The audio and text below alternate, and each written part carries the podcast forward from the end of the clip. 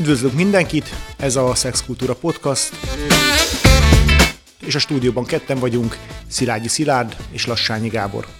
A mai témánk azt gondolom, hogy a egyik legkomorabb ö, téma lesz, amit eddig a szexkultúrában érintettük, ez pedig nem más, mint a halálközeli helyzetek, a halál és a szexualitásnak a összefüggése. Bevezetőképpen egy olyan cikket hoztam, amit azt hiszem, hogy még a Guardian is lehozott, mégpedig ez egy olyan feltételezés volt, amit a 2001-es szeptemberi New Yorki terrortámadások után jelent volna meg az amerikai statisztikákban, mégpedig, hogy állítólag a következő nyáron nagyjából 9 hónapra rá állítólag jelentősen megnőtt volna a születésszám az Egyesült Államokban. Későbbiekben ezt az állítást, ezt statisztikusok ellenőrizték, és azt találták, hogy így általánosságban ez nem jelenthető ki, hogy az összes államba vagy jóval nagyobb gyerekszám lett volna ebben az időszakban. Nem volt olyan kimagasló eredmény, amit ne lehetett volna egyfajta statisztikai hullámzással megmagyarázni, de azt azért lehet tudni, hogy különböző nagyobb háborús cselekmények, adott esetben katasztrófák utáni kicsit békésebb időszakokban jelentősen meg szokott ugrani a születésszám. Mit tudunk erről, és milyen magyarázatok vannak erre, és mit te Szilárd ismersz ezzel kapcsolatos példákat? Hmm. Én azért örülök ennek a témának, mert egy picit rávilágít arra, hogy elég egysíkúan kezeljük mi a szexualitást. Nagyon egyszerűen gondolunk rá, úgy gondolunk rá, mint valami fizikai aktusra. És nem lehet elégszer elmondani, hogy a szexualitás, a szexuális aktus, az nagyon sok esetben egyfajta kapcsolódás egy másik emberhez. Egy intimitás megélése, egy biztonság megélése, egy olyan helyzetnek a keresése, amiben én föl tudok oldódni. És igen, nagyon gyakran van olyan, hogy egy gyász az, az akár meg is növelheti a libidót. Megint megnövelheti a szexuális vágyat. Erre, erre egész konkrét kutatások vannak. És hogy a csodálatos ebben az, hogy vannak emberek, akik úgy gyászolnak, hogy teljesen megszűnik a szexuális vágyuk, és vannak emberek, akik meg úgy gyászolnak, hogy megnövekszik a szexuális vágyuk. Ez nem egy mint ahogy mi mindannyian különbözőek vagyunk, és különbözően reagálunk, és különböző dolgokat tanultunk, ami belefér a szexualitásunkba, ez is egy ilyen dolog. Van, a, van akinek a gyászsal kapcsolatos megküzdési stratégiájába bele, belefér az, hogy szex. Igen, itt azért nagyon mélyről jövő készletésekről beszélünk. Ha még most először talán nem is a gyász, gyászra gondolnék, hanem azzal kapcsolatosan, hogy nagyon sok ember azáltal, hogy akár közeli hozzátartozója szerettének a betegségéről tudomást szerez arról, hogy mondjuk meg vannak számlálva napjai, vagy hogy olyan betegsége van, amiből tudja, hogy nem fog földgyógyulni.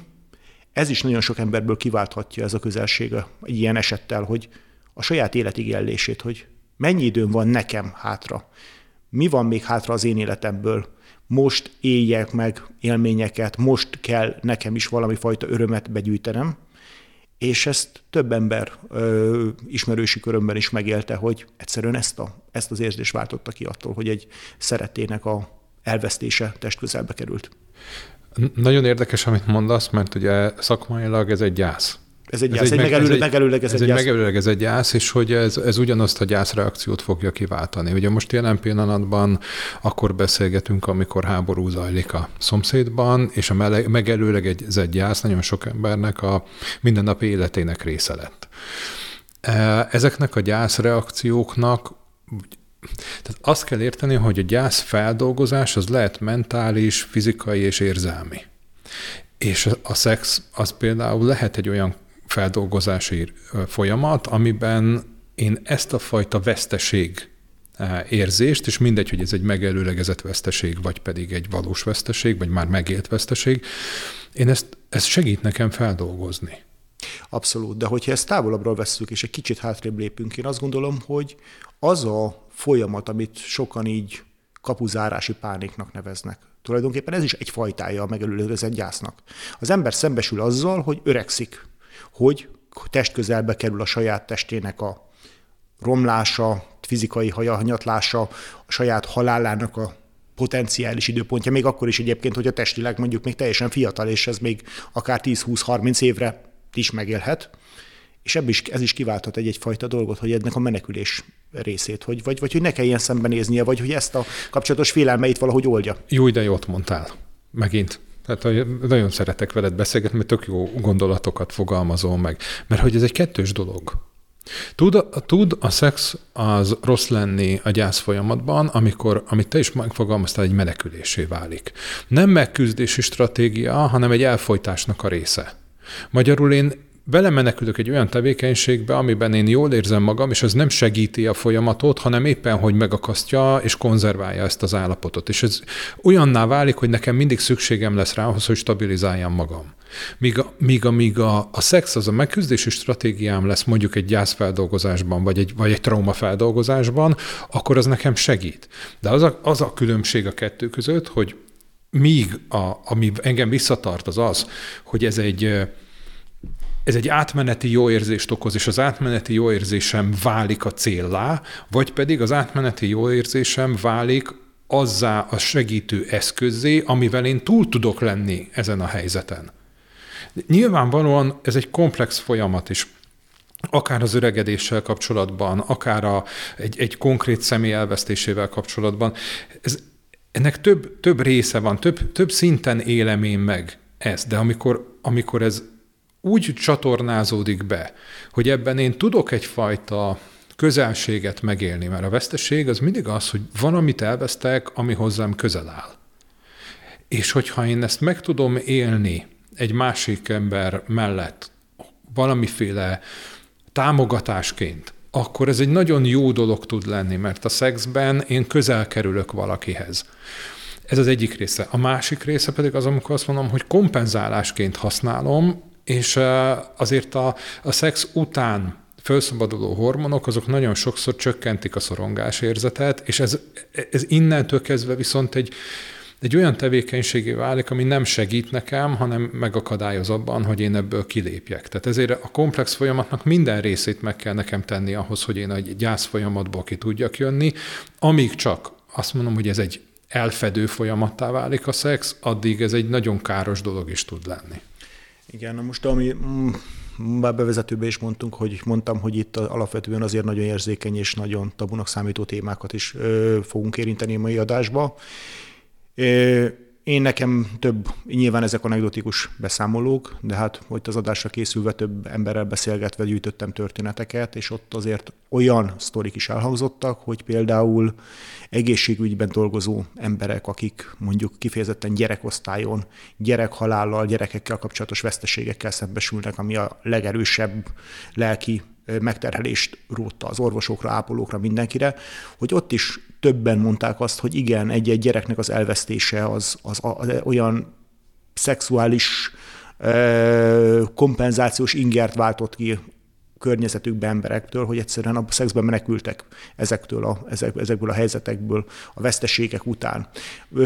Ugyanúgy elmeséltem más, aki gyermekét vesztette el nagyon korán, születés után néhány nappal, hogy, hogy a legerőteljesebb és legdurvább élménye volt életében az, hogy utána azt élte meg, hogy néhány napra rá a partnerével egyszerűen vágytak egymásra szülés után, nem sokkal, gyerek elvesztése után, mert egyszerűen nem tudták volna másképpen elviselni, és nem gyászolni, mármint hogy úgy gyászolni, hogy, hogy nem tudom én támogató embereket fogadni vágytak, hanem, hanem, hanem arra, hogy szexeljenek egymással. A legősibb igényünk a kapcsolódás másokhoz. A, egy ember elvesztése az a kapcsolódás lehetőségét szünteti meg.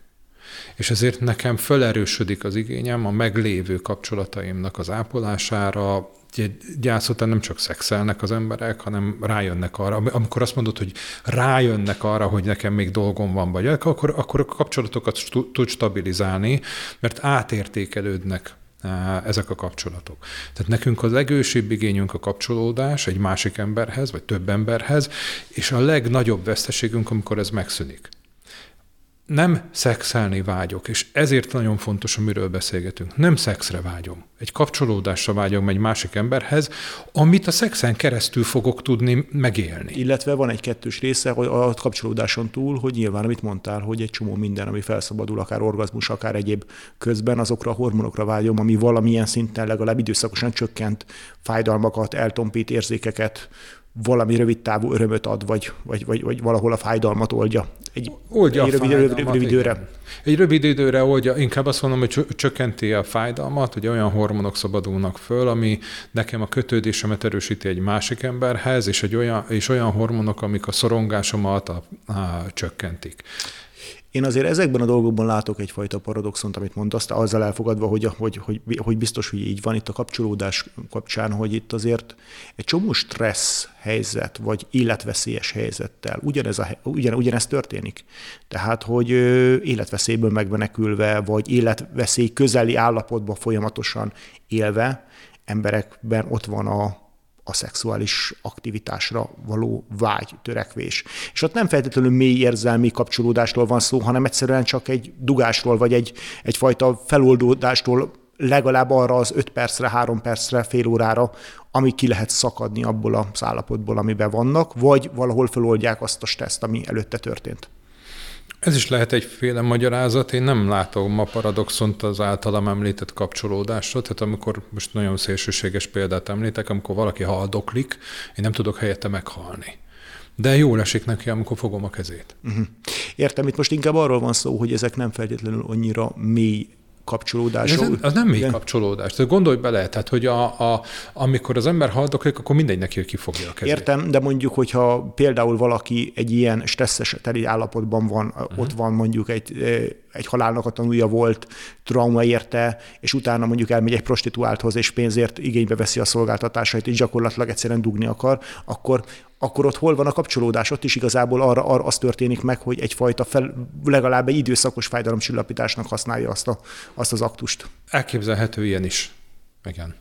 De, de alapvetően amik, amik, amiket én hallottam, akár, akár egy terrortámadás után, akár, akár egy baleset után ott, ott, ott nem prostituálthoz mentek, hanem lehet, hogy most alkalmi egy, egy, egy alkalmi kapcsolat volt, de ott a kapcsolódás igénye volt az, amelyik megjelent. Abszolút. Abszolút. És akkor még itt azért nyilván van egy másik része ennek a történetnek, amire nem rátok rá tudományos szempontból, de mégis azért elég előteljesen ott van, hogy pont ezeknél a sokkoknál talán van egy olyan evolúcióbiológiai magyarázata is, hogy egyszerűen, mint hogyha veszteségekben az ember egyszerűen egy reprodukciós igény is lenne, hogy, egyszer, hogy, hogy egyszerűen reprodukálja magát, hogy, hogy, hogy, hogy gyereket csináljon, hogy, hogy történjen, amit nyilván már tudatosan védekezéssel meg egyébben próbál, próbálhat az ember elkerülni. Ennek a, ennek a vonatkozásait nem tudom, hogy egyáltalán lehet-e bizonyítani, de, de, de valahol egy logikus elemnek tűnik ebben az egész rendszerben, hogy mondjuk nagyobb veszteségek után egyszerűen újra indítani az életet benne van az emberekben.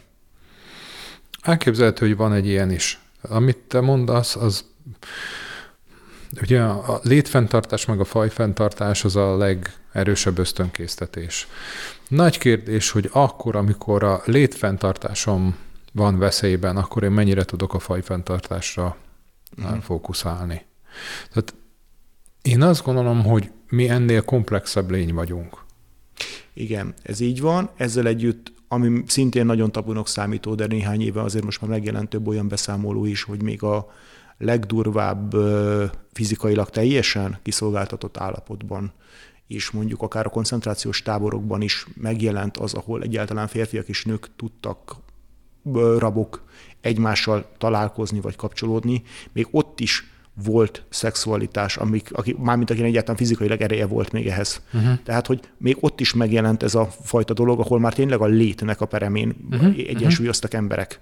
Egyszerűen, egyszerűen nyilván meg volt egyfajta szükséglet, hogy legalább ennyi öröm legyen az életükben, vagy, a, vagy abban, a, abban a helyzetben, de még ott is meg volt ez a, ez a fenntartási vagy fenntartás, vagy bármi más, ami miatt, miatt erre szükség, szükség, szükség volt. Nem tudom, hogy mennyire jelent itt meg a fajfenntartásnak ez az ösztönkésztetése. Az, az hogy, hogy én kapcsolódni szeretnék egy másik emberhez, és Tehát, hogy mindannyian a biztonságra törekszünk. A biztonság megélésére. Amióta anyánk megszült minket, azóta vágyunk arra a fajta biztonságra, amit mi akkor éltünk meg, amikor ott voltunk benne. Azt a biztonságot soha nem fogjuk tudni megélni, de mégis törekszünk rá.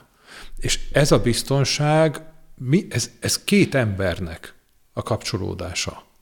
Én nem tudom megélni a biztonság érzetét anélkül, hogy valakihez ne kapcsolódnék hozzá. Ezt a fajta biztonságérzetet. Értem. Ezzel együtt ez a kapcsolódás, nem kapcsolódás, stressz, halálközeli állapot, veszély utáni azonnali szexuális kielégülés keresése, ez nagyon erőteljesen megjelenik az emberiség kultúrájába. És itt jön, bejönnek nagyon durva és nagyon erőteljes dolgok, hogyha arra gondolunk például, hogy a háborús erőszaknak mekkora hullámai vannak, amit elsősorban nőket érint, de egyébként nem csak nőket érinti ez a fajta nemi erőszak, ami a hullám, ami általában mondjuk egy-egy nagyobb hadjáratot, ostromot, egyebet kísért, amit az emberiség. Ennek nyilván vannak többfajta kulturális oka van, az egyik a nyilván a győzelemnek és a kifejezése, a teljes győzelemnek a kifejezése, hogy elhurcoljuk a erőforrásait, a fiataljait, az, az asszonyait, és, és ezzel élünk, és ezzel fejezik ki valamelyik része a társadalomnak, vagy egy-egy csoport azt, hogy az, hogy ő győzött. Tehát Igen. nyilván ez a hatalomról is szóló történet. De én azt gondolom, hogy ennek van egy másik rétege is, ami a nyersen az erőszakon túl szól.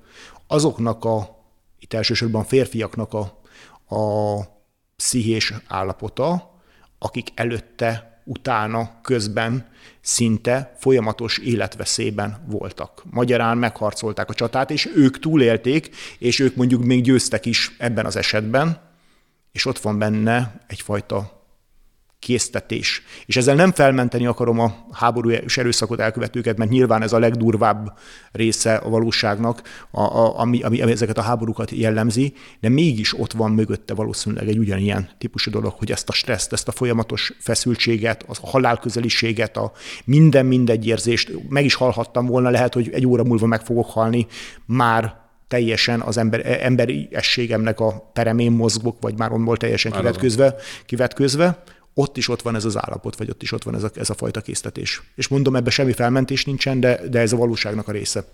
Szerintem itt van a különbség a között, hogy én megküzdési stratégiaként használom a félelem, fájdalom, trauma, a gyász feldolgozásában a szexet, tehát hogy kapcsolódok egy másik emberhez, vagy pedig, vagy pedig a félelmem, gyászom, traumám nem feldolgozásaként, hanem egy kompenzálásaként használom. Amiről te beszélsz, a, a háborús erőszak például, az nem arról szól, hogy én kapcsolódni szeretnék valakihez. Nyilvánvalóan. Míg, illetve, míg... illetve vannak érdekes határesetei ennek a történetnek, amit mondjuk a kifejezetten a második világháborús visszaemlékezéseknek a látszik, ahol ezért ez egy, ez egy, ez egy, ez egy, ez egy nyilván nem arról szól, hogy betör valaki és megerőszakol ja, ja, a, a, falunak az összes, összes nőjét, hanem... hanem mondjuk ott azért nem, nem jelenik meg a konszenzualitás. Igen, nyilván nem. Nyilván nem. Még egy, még egy gyerekosztályon ott megjelenik. Nyilván, ahol. És, és ez egy óriási különbség.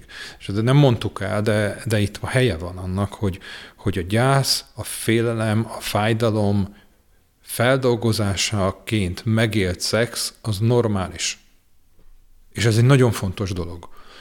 A nem konszenzuális szex az sosem normális, az mindig egy szörnyű dolog, Egyébként a Magyarország ettől rettentően szenved, tehát hogy ugye, a feldolgozatlan traumáról. Feldolgozatlan traumáktól, tehát hogy ugye alsó hangon azt mondják, hogy körülbelül fél millió nőt erőszakoltak meg az átvonuló szovjet csapatok, ez rettenetesen sok. És megjelenik transgenerációs feltárásokban is. De, de a kettő között szerintem itt van a különbség, hogy én a szexet azt a, a, a félelmem kompenzálására, vagy pedig a félelmem feldolgozására használom. És egy picit még, a, hogyha kulturálisan vesszük még a, egy, egy, egy aspektusát itt a szex és a halálnak a témakörében, Érdekes egyébként azok a képek, amik különböző mitológiák vagy mesék is tartalmaznak a szexualitásnak és a halálnak a egyfajta összefüggésével. Az egyik, ami eszembe jutott a klasszikus mitológiában, azok a csábító női alakok, elsősorban különböző kisebb istennők, nimfák itt a klasszikus görög, meg a római mitológiában, akik bizonyos ifjakat magukhoz hívtak, és aztán utána ezek az emberi világból eltűntek, mondjuk örökle, a szeretőjük lettek, vagy átváltoztak. Hát erre azért sok példát lehet találni az ókori mitológiában. Itt volt nálunk Boldizsár Ildikó, amikor mesélte ugye azokban a mesékben, ahol a különböző tavaknak a tündérei, meg egyéb alakjai magukhoz csábítják az ifjakat, és akkor utána el, eltűnnek. Ezek is valójában egy halál állapot, vagy halálközeli képek lehetnek, amik megvannak a mitológiában, illetve a mesék, mesék világában. És hát a szexualitás és a halál val kapcsolatosan ugye ott van az a kép, hogy maga az orgazmus állapota, vagy az orgazmussal kapcsolatos képek, a pöti mort, a kis halál, ami, ami, ami egyfajta tudatvesztési állapot, egy, egy, egy, egy halálközeli állapot, vagy valahol egy halálhoz hasonlító állapotot hoz, hoznak be képként, ezek is ott vannak valahol a tudatunkban. Nagyon rendjén van, amit, amit mondasz, mert hogy az orgazmus az egy módosult tudatállapot. Az agyamnak nem az a része működik, mint, a, mint általában. És a halál is egy módosult tudatállapot következményeként jön létre, ha nem egy erőszakos halálról beszélünk. Tehát a halált megelőző pillanatok, akár hosszú-hosszú pillanatok is egy módosult tudatállapot. Hmm.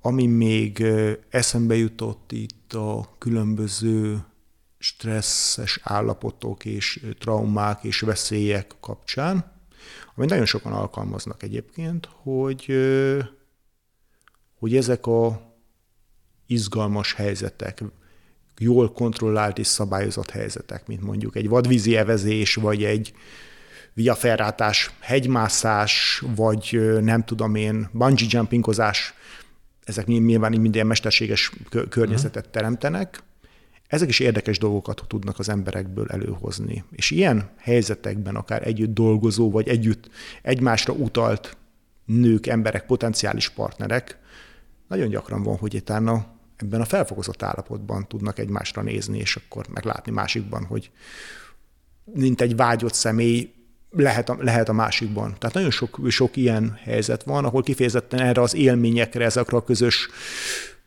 stresszes, de kontrollált állapotokra próbálják effektíve fel, vagy, vagy akár már egy kicsit le, kihűlt kapcsolatokat feljebb vinni, vagy pedig embereket összeismertetni. Mit gondolsz erről? Hogy ez azt gondolom, hogy ugyanazt a reakciót indítja be, mint a, mint a halál közeli élmények. Tehát ami, amit például én tudok, hogy az izraeli hadseregben ugye a férfiak, nők egyaránt szolgálnak, és ostromlott áll, helyzetben előfordulnak akkor létrejövő kapcsolatok, vagy akkor létrejövő alkalmi szex kapcsolatok. Ezek azt gondolom, hogy nem feltétlenül segítik mondjuk egy, egy, egy kihűlt kapcsolatnak, vagy uh-huh. megerősítését, mert hogy ez nem egy tudatos dolog, hanem ez egy helyzetnek szóló dolog, uh-huh. és a mhm. helyzet hozza magával ezt az izgalmat, és a helyzet hozza magával ezt a felfokozott állapotot, és a, innentől kezdve viszont nem a, nem a kapcsolatom rendbehozásáért, vagy a kapcsolatomnak a tudatos tudatossá tételével próbálok én dolgozni ezen, hanem, hanem a helyzeteket fogom keresni, akkor újra meg tudom ezt élni. Nyilván lesz, akinek segíteni fog. Tehát azért nincsen fekete-fehér, meg jó, meg rossz, mert van, akinek segít, és akkor ő azt fogja mondani, hogy ez segít. Vagy pedig azt látja meg a másikban, hogy mennyire férfiasan, vagy, vagy mennyire ügyesen, vagy nem tudom, oldotta meg azt a helyzetet, mennyire rá tudtam nézni egy másik szemszögből, hogy milyen ügyesen, nem tudom, mássza azt a hegyet, vagy tudott, tudta kormányozni mm. a csónakot, vagy, vagy meglátni abban, a, abban egy, egy újdonságot, vagy egy új, új vonást abban, akivel... Azért mondom, hogy lehet, lehet ilyen is. Lehet ilyen is, tehát helyzete válogatja, tehát nem lehet azt mondani, hogy egy ilyen az kerülendő, de azt gondolom, hogy, hogy egy, egy hosszú távú párkapcsolatnak lehet a helyrehozásának vagy a stabilizálásának része. Egy élmény alapú, egy eszköz, élmény alapú eszköze, eszköze de egyfajta eszköze, igen. és egyfajta eszköz, ez az egyfajta eszköz, ez hosszú távú megoldást nem fog hozni. Viszont mondjuk kifejezetten itt a vonzalmak kialakulásában, stressz alatti létrejövő kép, kép aki meglátására másiknak, hogy ez mondjuk mennyire férfias, mennyire különleges, mennyire, mennyire, mennyire csodásan tud viselkedni ebben a helyzetben, abba, arra nyilván nagyon, nagyon alkalmas tud lenni. Kérdés az, hogy ez, ez mennyire egy hosszú távú döntés, hosszú távon megalapozott döntések alkalmas egy ilyen kép, vagy egy ilyen helyzet, de nyilván egyébként ez egy nagyon jó dolog tud lenni, hogyha valaki azt látja a másikban, hogy stressz alatt jól tud dönteni. Hát akinek ez a fontos, az annak igen. Igen.